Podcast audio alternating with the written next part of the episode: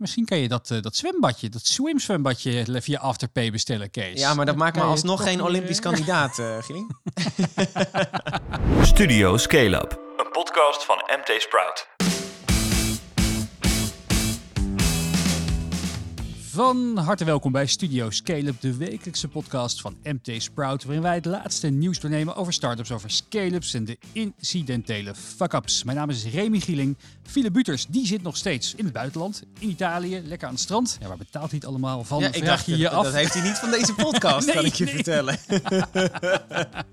ja, zeg, Over fuck-ups gesproken, het eh, salaris voor deze De podcast. overwaarde, de overwaarde betaalt, eh, betaalt de vakantie volgens mij. Eh, maar ja, daarom ben ik dus deze keer neergestreken bij Inval co-host Kees Dorrestein. Je hoort hem al. Kees, Nou ja, welkom. Welkom aan mijn keukentafel hier Ja. ook. Nou, leuk om hier te zijn. Ja, luisteraars kunnen nu denken eh, van, hé, hey, dat is een bekende stem. Ik heb je voor een eh, uurtje mogen wegkapen bij je vaste werkgever, BNR Nieuwsradio. Ja, klopt. Daar presenteer ik. Ehm, je kan me horen in de ochtend naast Bas. eh, of bij BNR Breekt presenteer ik wel eens. Of de podcast. En Ja. Bas van Werven, hè, voor, ja, voor, ja, jij mag hem Ik mag hem Bas mogen. Bas noemen. ja, ja, Voor Bas ons van Werven. Over- van dat is echt een bekende stem eh, natuurlijk. Nou ja, naast dat wij dus al heel lang vrienden zijn, eh, ben ik tevens de allergrootste fan van je laatste podcast, je meest recente podcastavontuur. dat vind ik lief. een jaar burgemeester. Daarin volgde je George Freulich, ehm, die plotseling zijn baan als hoofdredacteur verruilde voor eh, die van, nou, je raadt het al, burgemeester. Leg eens uit. Ja, het is echt, ja, ik kende hem natuurlijk al lang vanuit BNR. Toen zag ik al die pushberichten. Hij wordt burgemeester. En toen zei ik, nou, weet je wat? Ik ga je in een jaar volgen. Ehm, of het nou goed gaat of niet. Als je zegt, oké, dan maak ik daar een podcast van. Maar die zenden we ook pas na anderhalf jaar uit. Als het helemaal achter de Ja. rug is. Nou ja, die is nu net helemaal eh, verschenen, de hele serie. En het is wel een mooi portret geweest, want het is een... f- Ja, Er over- zitten nog wat ups en downs in. Een kunstroof zit erin. Een massagraf die gevonden werd. eh, Ja. Rellen zitten erin. ja, Corona uiteraard. Ja, dat is echt, echt bizar wat voor jaar die heeft gehad. Een boete van 91 miljoen. Ja, ja, echt absurd. Dat is gewoon bijna de hele jaarbegroting moet hij in één keer aftikken als burgemeester. het is, ja, het is een Echt, eh, fantastische serie geworden. Het is een streaming via alle podcastkanalen of de BNR-app. Laten we kort luisteren naar een fragment van een jaar burgemeester. dus ook verantwoordelijk voor de grootste rechtszaak en de grootste crisis uit de geschiedenis van de gemeente. Ja, ik eh, ben niet in topvorm, Kees, als ik heel eerlijk ben. Dan snap ik deze reactie wel. Want voor zijn schema op dit punt kon hij eigenlijk wel wat fitheid gebruiken. Nou, ben gisteren om acht uur begonnen, denk ik, s morgens. En ik was, denk ik, eh 11 uur, half twaalf thuis. En dan En dan ben ik eh, Alleen maar vergaderen. alleen maar vergaderen. Ja. Een man met eindelijk een uitspraak. Het is een eh, mokerslag. Dit hadden we echt niet eh, gedacht. Die nog steeds vaak op zijn telefoon zit. Even kijken hoor. Kun je wel even een appje voorlezen dat ik gisteravond aan mijn vrouw heb gestuurd? Toen ik in de gemeenteraad zat. En een massagraf heeft gevonden. Ja, dat is natuurlijk... eh, ja, ongelooflijk. Ongelooflijk. Ik ben Kees Dorrestein en dit is een jaar burgemeester. Aflevering 8, december 2020.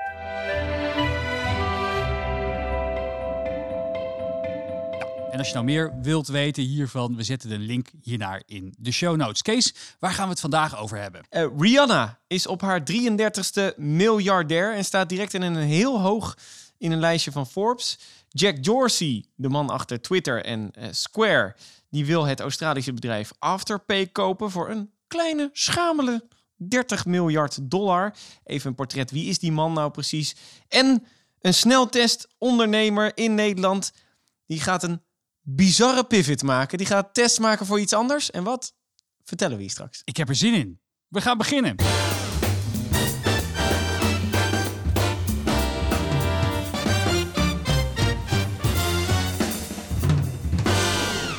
Maar eerst in een sneltreinvaart een rondje langs de velden van diverse media. Wat schreven ze over ondernemers deze week? Nou, we beginnen eventjes bij eh, een berichtje uit het AD. Strandtenthouder Marco Seitz. Die is het helemaal zat met de weerdiensten, zoals buienradar. En vooral als ze dan weer een verkeerde, verkeerde voorspelling geven. Want hij is ondernemer achter een strandtent. Werelds op Scheveningen heet dat.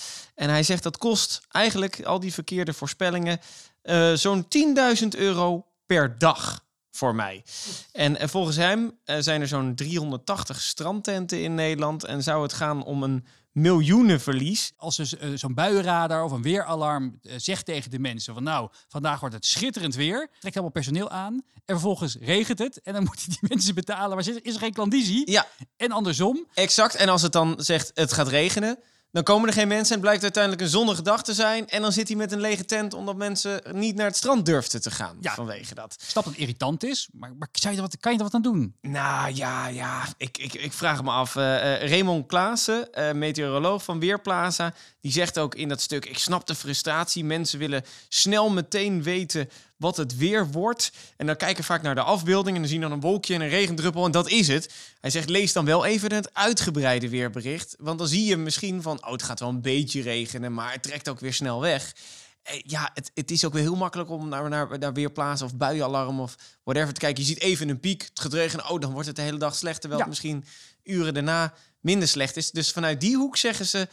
Ik snap het dat het niet leuk is, maar ja, dat is nou eenmaal hoe het is. Ja, misschien moet Marco gewoon niet klagen en zelf een weerdienst opzetten. Ja, ik denk dat dat echt lastiger is dan dat. het is of als je een echte succesvolle maakt, dan verdient hij nog veel meer dan met zijn strandtenten. Dat is waar. Wat dat, dat is waar. betreft. Ze zijn voor goed, eh, goed bedrag Ja, verkocht kijk. destijds. Ik denk, ja, denk je dat het, dat het hem gaat lukken? Ja, ik vraag hem af. Ja, dan Facebook. Die heeft het aan de stok met de Europese Commissie. Lazen we op Silicon Canal. Ze willen het bedrijf Customer met een K overnemen voor ongeveer 1 miljard dollar. Customer is een, houd je vast, omnichannel software as a service CRM platform. Oké. Drie nog, nog, nog even een keertje. Ja, ja het is gewoon, ik ben je aan het pesten dat je dit nog een keer moet zeggen. Omnichannel software as a service CRM platform. Ja, Nou ja, als je dan nog mensen niet hebt eh, doodgeboord met, de bedrijf, met, met je propositie, dan weet je dat je het ik snap wel dat ze de naam Customer hebben gekozen en eh, niet eh, Omnichannel Software as a Service CRM Platform.com. Dat is een lange, lange, ja, dan ben je wel een lang aan het tikken. Eh, ja, dus Facebook zou de software willen gebruiken om kleine bedrijven meer te laten verkopen via de platformen. Maar de Europese Commissie is weer bang dat ze dan andere CRM- en marketingplatformen, zoals MessageBird, in de weg zouden gaan zitten om toegang te krijgen tot die data van Facebook. Niet onredelijk, lijkt me. Nee, en het is wel weer de zoveelste eh, eh, ruzie met eh, de Europese Unie en dan Facebook. Het is gewoon niet zo slim, denk ik, om in deze fase, waarin ze al enorm onder vuur liggen van het Amerikaanse congres, eh, of ze misschien wel inderdaad, hè, WhatsApp. Ja, Facebook of ze misschien niet eh, opgesplitst. Ja. moeten worden. Hè? Daar wordt nu serieus over gesproken in Amerika. Moeten wij die, die vier techreuzen, eh, net zoals eh, begin, eh, eh, 19, eh, begin 20e eeuw, Ja. rond 1920 volgens mij, moeten we die, die grote industriële bedrijven, die zijn te machtig geworden, moeten we die niet opsplitsen. En wat doet Facebook ondertussen? En we pakken weer een bedrijf, zodat we eigenlijk eh, de concurrentie een beetje monddood aan het maken zijn.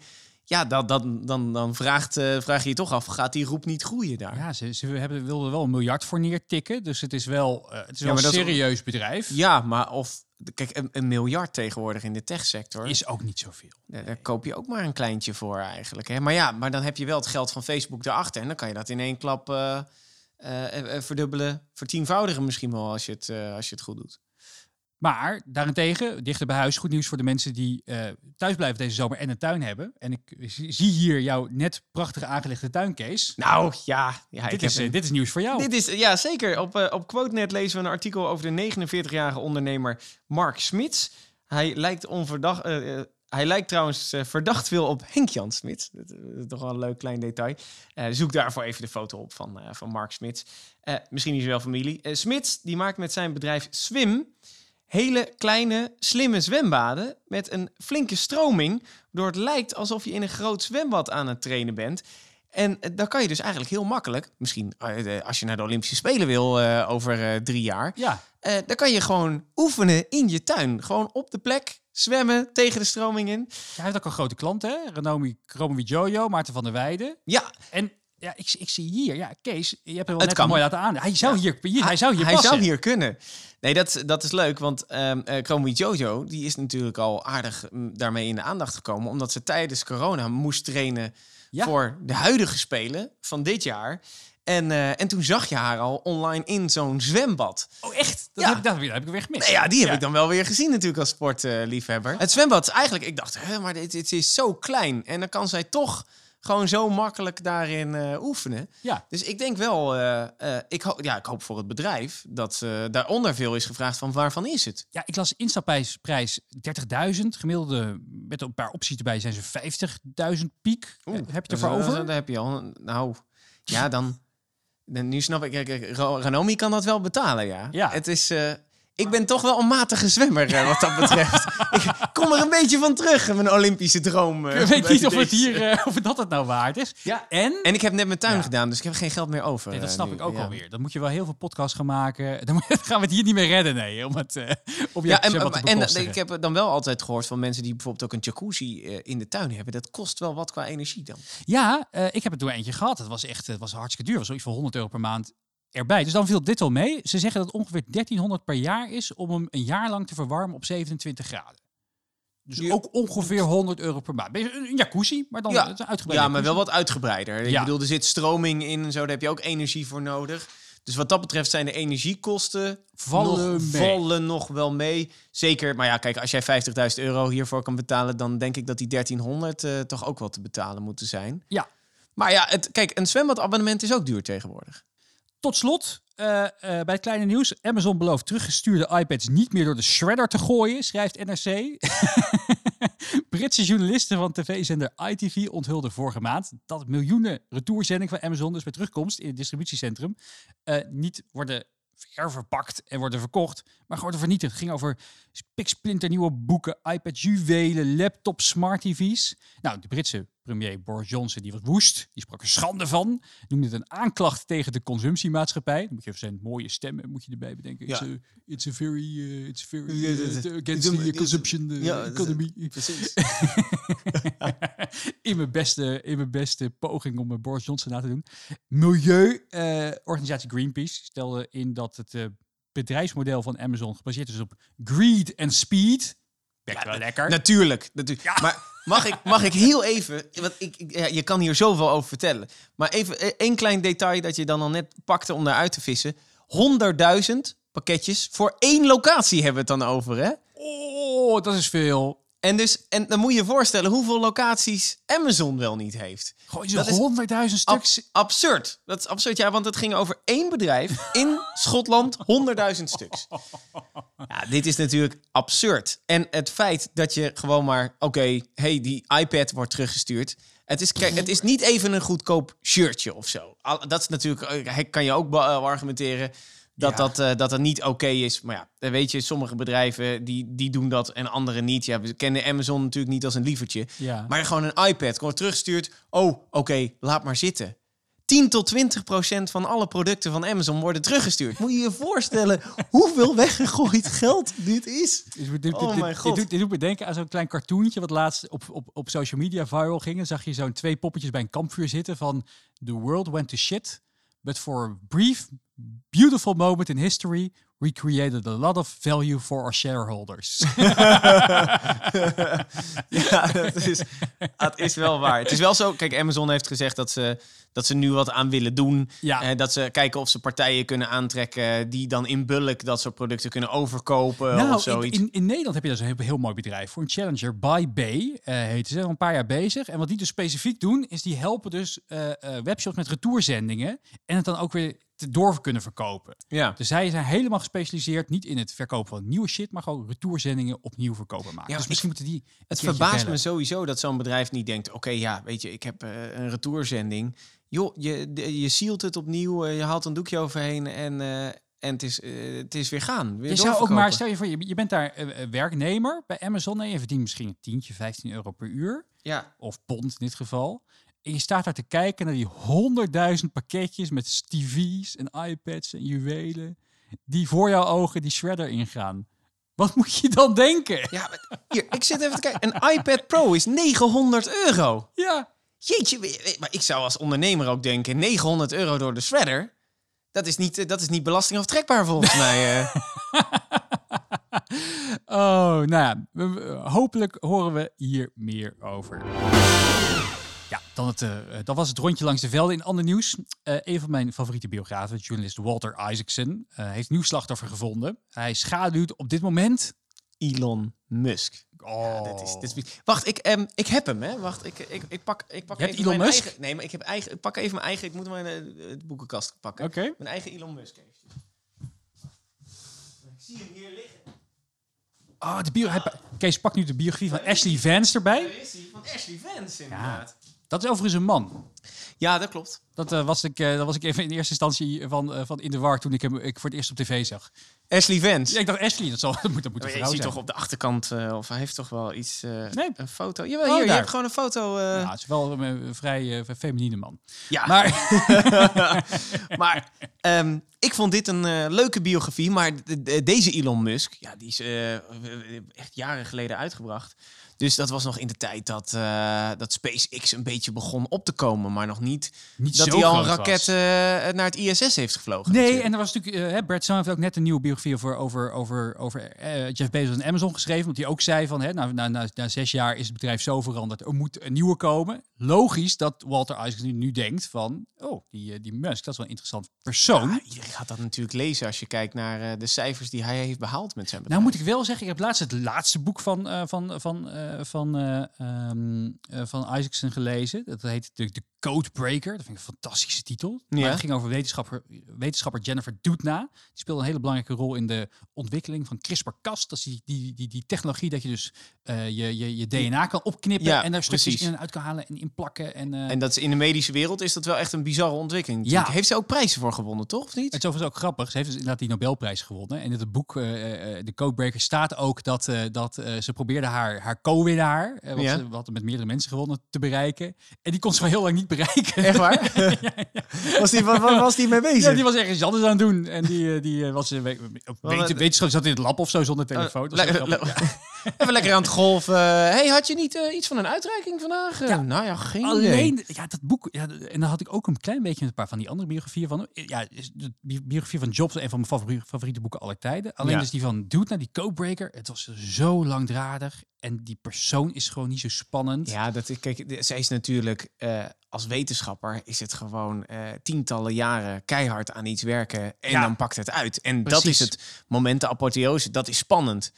Ehm, Alleen dat hele verhaal Ja. eromheen, ja, het boeide, ja, misschien als je in de wetenschap zit wel, maar het boeide mij gewoon Kijk, niet zo en- enorm. een biografie maakt het ook leuk, omdat eh, het moet eigenlijk gewoon vol zitten met anekdotes. ja, eh, die je eh, de persoon beter leren kennen. En dan snap je ook direct hoe hij is als bestuurder, als CEO, als ondernemer, als uitvinder, dat soort dingen.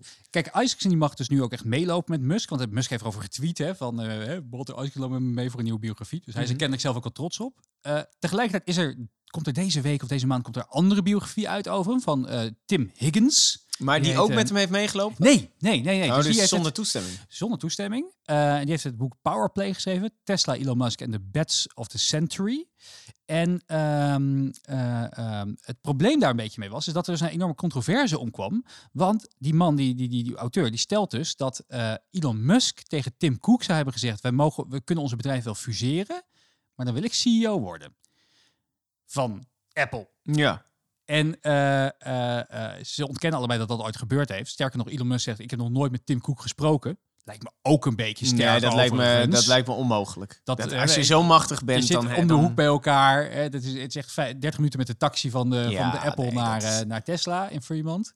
Ehm, maar ehm, eh, ja, dus, dus er is nu alweer een biografie. Hoeveel biografieën kan je maken over één man? Nou ja, kijk, ja dat, dat, je kan er echt heel veel eh, over maken.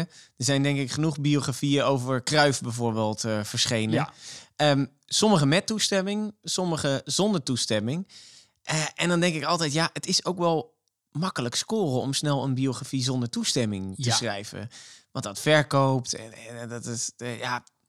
Dus, Ja, dus, maar- en dan zeker bij dit soort mensen, je, je kan maar, eh, ik vind het mooi om dicht op het vuur te Ja, zitten. Want dan toch- weet je, Je wilt toch zien en dan- voelen wat die mensen zelf, eh, wat die mensen zelf, Ja. eh, zelf meemaken. Dat, En- dat maakt het uniek. Ik bedoel, we, we kunnen van alles lezen over Musk. Maar pas als je misschien zo'n eh zo'n Isaacson hebt die wie wekenlang die man aan het schaduwen is.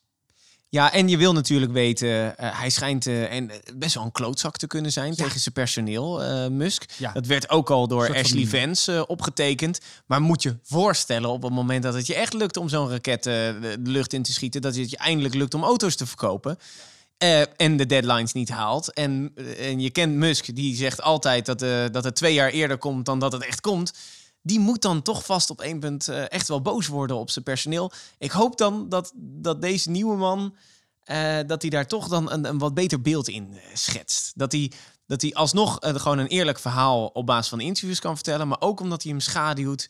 dat je een beetje meekrijgt van hoe is hij nou echt in het dagelijks leven. En ik vraag me af hoe Musk het vindt als er echt eerlijk over hem wordt geschreven. Ja. En of dat ook echt gebeurt natuurlijk. Of dat het toch een beetje zoals de Obama-biografie. eh, Dan toch, ja, dat, er gebeurde niet zo heel veel in. Hè? Die was saai, het was heel saai. Nou, Ja. deze, dit boek komt waarschijnlijk over een jaar of over twee jaar uit. Eh, wil je nu weten welke boeken je moet meenemen op vakantie? Ik heb er een klein blogje over geschreven. En we zetten de link in de show notes. Dan heb ik er eentje voor je. Ehm, want Forbes die heeft een eh, leuk nieuw lijstje van vrouwen in de entertainmentindustrie. Vooral de rijkste vrouwen in de entertainmentindustrie. De 33-jarige Rihanna staat nu op plek 2 van de rijkste vrouwen in de entertainmentindustrie. Eh, Robin Fenty heet ze in het echt. Barbados natuurlijk. Ehm, vijf jaar lang geen hit gehad. Ik denk dat, ja, als je aan mensen vraagt wat is de laatste hit? Nou, Shut Geen Up and Drive of zoiets. Nee, ja. Ja, het zal het vast niet zijn. Jij, jij bent de man van de, van de muziekweetjes. Ja, ik hou heel erg van muziek. Doe ook vaak aan eh muziekquizzen mee. Maar ik denk Shut Up and Drive. Ik weet, dat is de laatste die, die ik ken. En ze zal vast wel, of Monster of zoiets. eh, zo, zoiets. Nou, whatever. Het is niet eh, Umbrella. Maar zij heeft nu dus een eh, net worth, volgens Forbes, van 1,7 miljard dollar. Oef. En dat heeft ze natuurlijk helemaal niet verdiend met het zingen. Ze heeft er wel wat mee verdiend. Wie is de Natuurlijk een rijkste Basis. Eh, Oprah, natuurlijk. Ja, tuurlijk. Oprah Ja, is eh verreweg de rijkste. Maar ze heeft dat vooral verdiend met haar Fenty Beauty merk. Niet, ja, je- nee, nee. a- aan jouw hoofd zie ik dat je geen ma- make-up eh, draagt. eh. nee, maar eh, Fenty, dat is wel leuk, want die hebben in eh, 2017 zijn die echt doorgebroken. En eh, hoe? Doordat ze make-up maakten met echt gewoon eh, honderden huidskleurschalen. Dus niet, Oh, heel, niet natuurlijk. even blank, donker, iets donkerder en heel erg blank bijvoorbeeld. Nee, echt een enorme regenboog aan huidskleurschalen, waar, waardoor vooral vrouwen zeiden van wow, dit evenaart mijn huidskleur zo Ja. erg. Wat voor lange tijd, ja, precies, eh, voor- wat voor een lange tijd was natuurlijk heel veel van die make-up gewoon alleen maar voor ja, mensen met een witte huidskleur of een, Ja, of het- een beetje, een beetje wat, wat ja, was- shades of grey. Weet Ik je bedoel, eh, je- tegenwoordig, ehm, je kan dan eh, eh, tegenwoordig zeggen we, je bent wit of zwart, maar je hebt daar zoveel gradaties in. Zoveel gradaties in wit, zoveel gradaties Ja. in zwart natuurlijk. Nou, daar heeft zij op ingespeeld, waren ze de eerste mee. En ze heeft de helft van de aandelen. En ze heeft de helft van de aandelen inderdaad. De andere, Ehm, de andere helft, eh, ja, dat weet ik eigenlijk niet wie die andere helft eh, eh, Louis heeft. Vuitton. Moet Hennessy. Oh, hebben die, eh, hebben die de andere helft? Run oh, dat wist ik dan eh, niet. hè, Bernard Osol, mooie naam. Tij- tijdje lang de rijkste man eh, ter wereld. De Fransman. De? Fransman, Ja, inderdaad. Ja, ja. En eh, eh, hij, eh, hij heeft eh, schijnbaar de, de, de helft van de aandelen van eh, Fenty Beauty. Dus ik denk dat het een goede partner is om, eh, om mee in zee te gaan eigenlijk. Nou, inderdaad, ja. Ja, maar kijk, dat, dat eh, merk wordt op 1,4 miljard dollar eh, geschat. Ja. Heeft ze ook nog een Savage versus Fenty eh, geschat op 270 miljoen dollar. eh, heeft ze. Dat, is, eh, dat is een lingeriemerk. Dat is natuurlijk op, op doorgebouwd. Maar ik besefte me eigenlijk pas vandaag toen ik dit bericht van Forbes las. dat zij het is. dat zij het is Robin Fenty. Ja, natuurlijk. Toen dacht ik, nooit geweten. dat is echt een naam, joh. Dat is, dat, ik wist wel dat ze in, een goede, in de make-up zat. Het is best- Dat was gewoon een goede bedrijfsnaam geweest anders. Ja. Kort, krachtig. Maar als je dan een rekensommetje maakt, 1,4 eh, miljard plus Ja. 270 miljoen, nou dan krijg je 1,67 miljard. Dan heeft ze dus nog ergens 30 miljoen mee verdiend. Dat is waarschijnlijk de muziek. Dat zeg- rechten. en, en, misschien, re- en misschien een beetje influence. Hè? Want ze heeft 101 miljoen volgers op Instagram en 102 miljoen op Twitter. Het is trouwens heel leuk om haar eh, eh, te volgen, om te zien wat ze als ondernemer doet. Ah, als je even voorbij de basic, ja, je kent de influence posts, eh, Oh, God, kijk eens ja. hoe goed ik eruit zie. Ehm, maar, eh, en je ziet altijd fans eronder reageren. hey, wanneer kom je weer eens met muziek? dan zegt ze altijd, ah, weet nog niet, kijk wel eventjes. Het antwoord gaat natuurlijk zijn, als je dit hebt, nooit. Ja, waarom zou je Ik- dit ja, nog, misschien- zou je nog hieraan... eh, ooit één keer of zo. eh, om nog één één keer te laten zien dat ze het kan. En nog echt heel veel te verdienen. Want dan kan je echt alles Dit doet me vragen. een beetje denken aan. ehm, ik heb dus wat minder met muziek. Maar ik heb toen een tijdje terug die documentaire op Netflix gekeken over Beats bij Dr. Dre. Over Ja, hoe, hoe, oh, jee, schitterende. goed, hè? De Defiant Ones. Defiant ja, Ones. schitterende Oh, met. Jimmy Iovine. Vierdelige serie. En het is vooral echt als je eh, ziet hoe zij uiteindelijk het rap tot een merk hebben weten te maken. Waar ze eigenlijk veel meer mee hebben Ja. weten te verdienen. Want Dr. Dre was de eerste rapmiljardair, toch? Ja, ja, hij was de eerste. En, en precies, dat was dat, dat, dat relletje nog. Dat, eh, dat, ze hadden nog niet aangekondigd dat, dat de verkoop rond was gegaan. En toen was Dr. Dre een beetje dronken geworden. En toen had iemand anders op zijn Instagram gezet, Flow Rider of een van die andere mensen die daar een beetje in de scene zitten. Van eh, the first millionaire in hip-hop, weet je wel. Ja. En, en, en, en, Jimmy Iovine vertelt in die documentaire ook dat hij dat is zijn co-founder. Ja. Van, oh mijn god, dat moment dat hij echt dacht van ja, we gaan die deal verliezen. Dit, dit gaan we nooit meer goed Ja. krijgen. Ja, dat en is toen is er mij ook wel iets van de deal afgegaan. Ja, En, eh, alsnog. Uiteindelijk is het voor 700 miljoen verkocht. Ach, alsnog was het, was Goeie, het heel goed veel. bedrag, ja, het bedrag. was, eh, deal met eh, eh, Apple was dat toch? De Ja, Beats? Tim Cook heeft Ja. het gekocht. eh. En eh, kijk, dat was wel schitterend. Want heb je die, die Jimmy Ivy, echt de ondernemer. En die stort zich in die wereld Ja. met al die rappers. Waarvan je echt denkt van... potverdik- dan, dan willen ze weer dat, dan willen ze weer dat. En dan eh, halen ze weer iets op de hals. En, maar die heeft uiteindelijk wel ontdekt... dat je inderdaad van ophef heel veel geld kan eh, verdienen. Ja, fantastisch. Echt een goede documentaire. We zetten de link wederom Ja. in de show En, notes. en over Rihanna nog even gesproken. ja? Ehm, die Rihanna is de meest succesvolle artiest ooit uit de Nederlandse top 40. Dus niet Madonna, niet de Beatles, Rolling Stones, Queen, noem maar op. Rihanna heeft eh, het meest succes gehad in de top 40, want ze hebben zo'n puntensysteem. Als je op nummer 1 staat, krijg je in één week 40 punten. Nou, doe dat maal het maal, maal het aantal weken, eh, maal het aantal plekken. Nou, dan komt er uiteindelijk een enorme Scoren, bedrag aan punten ja, uit. Want soms heb je ook hitjes die vijf weken op plek 39 staat. Dan krijg je dan weer twee punten voor. Nou, tel dat allemaal bij elkaar op. En Rihanna heeft in die korte tijd dat ze hits heeft gehad... heeft ze gewoon een nummer 1 positie bij elkaar gespeeld. En dan ook een Ed Sheeran, Coldplay, die komen er niet aan. Zoveel hits heeft zij gehad. Ongelooflijk. Ja, het is echt, eh, Nederland houdt van Rihanna. En eh, ja, investeerders en eh, mensen die houden van beautyproducten ook blijkbaar. Want ze is verschrikkelijk rijk geworden. Maar weet je ook wie deze week voor het eerst 1 miljard views op YouTube heeft gekregen? 1 miljard views? Dat is In veel. totaal? In to- in- eh, gewoon in zijn totaliteit? Rick Ashley of zo? Rick Ashley, Nee! I'm never gonna give you up. We're no strangers to love. You know the rules, and so do I. I feel commitments while I'm thinking of.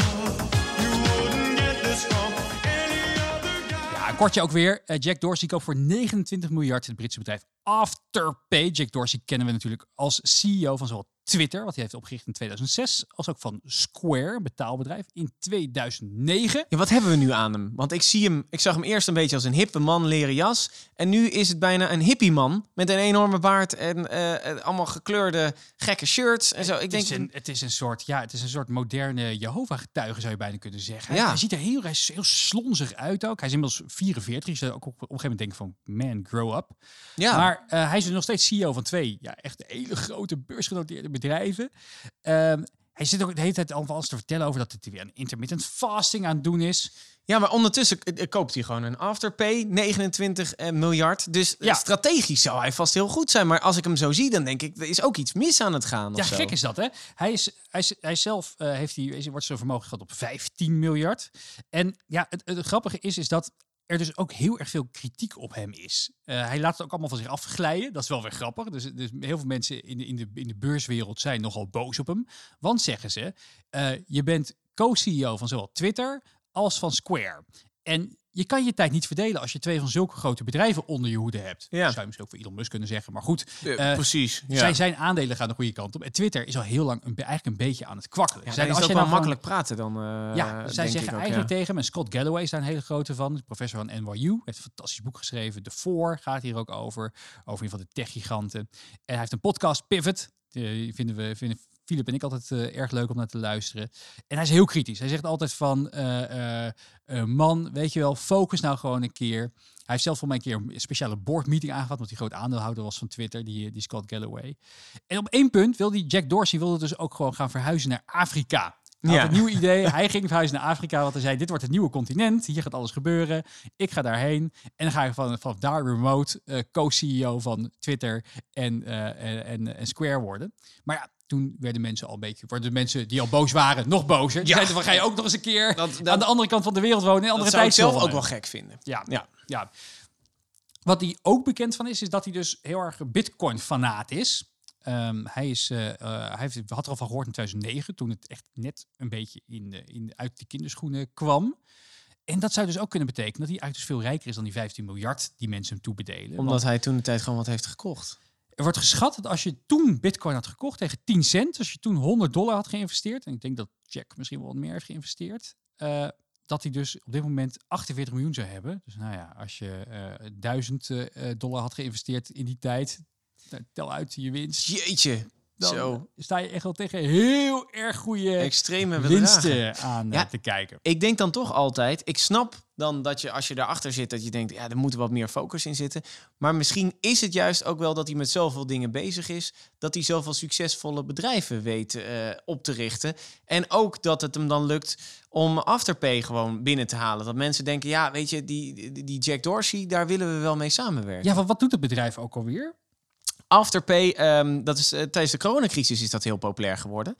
Dat is eigenlijk een bedrijf eh, waarmee je gewoon, het zit al in de naam, eh, achteraf kan betalen. Dus als je dat Ah. inschakelt, betalen zij voor je en dan betaal jij op aflossing via Een soort, soort, die Austra- dienst. een soort Australische Klarna. Klarna is zo'n, ook zo'n dienst die dat aanbiedt. Ja, exact, ja. En dat is vooral onder jongeren is dat heel populair geworden tijdens de coronacrisis. Ja, want die hadden dan wat minder geld of die waren Ja. hun baan eh, verloren. En dan wilden ze dan toch nog dingen kopen. En dan ging dat dan allemaal via Afterpay. Dat, daar kwam toen de tijd ook wel kritiek op. Van je maakt Is dat het wel verstandig? heel Ja. makkelijk om mensen geld uit te laten geven.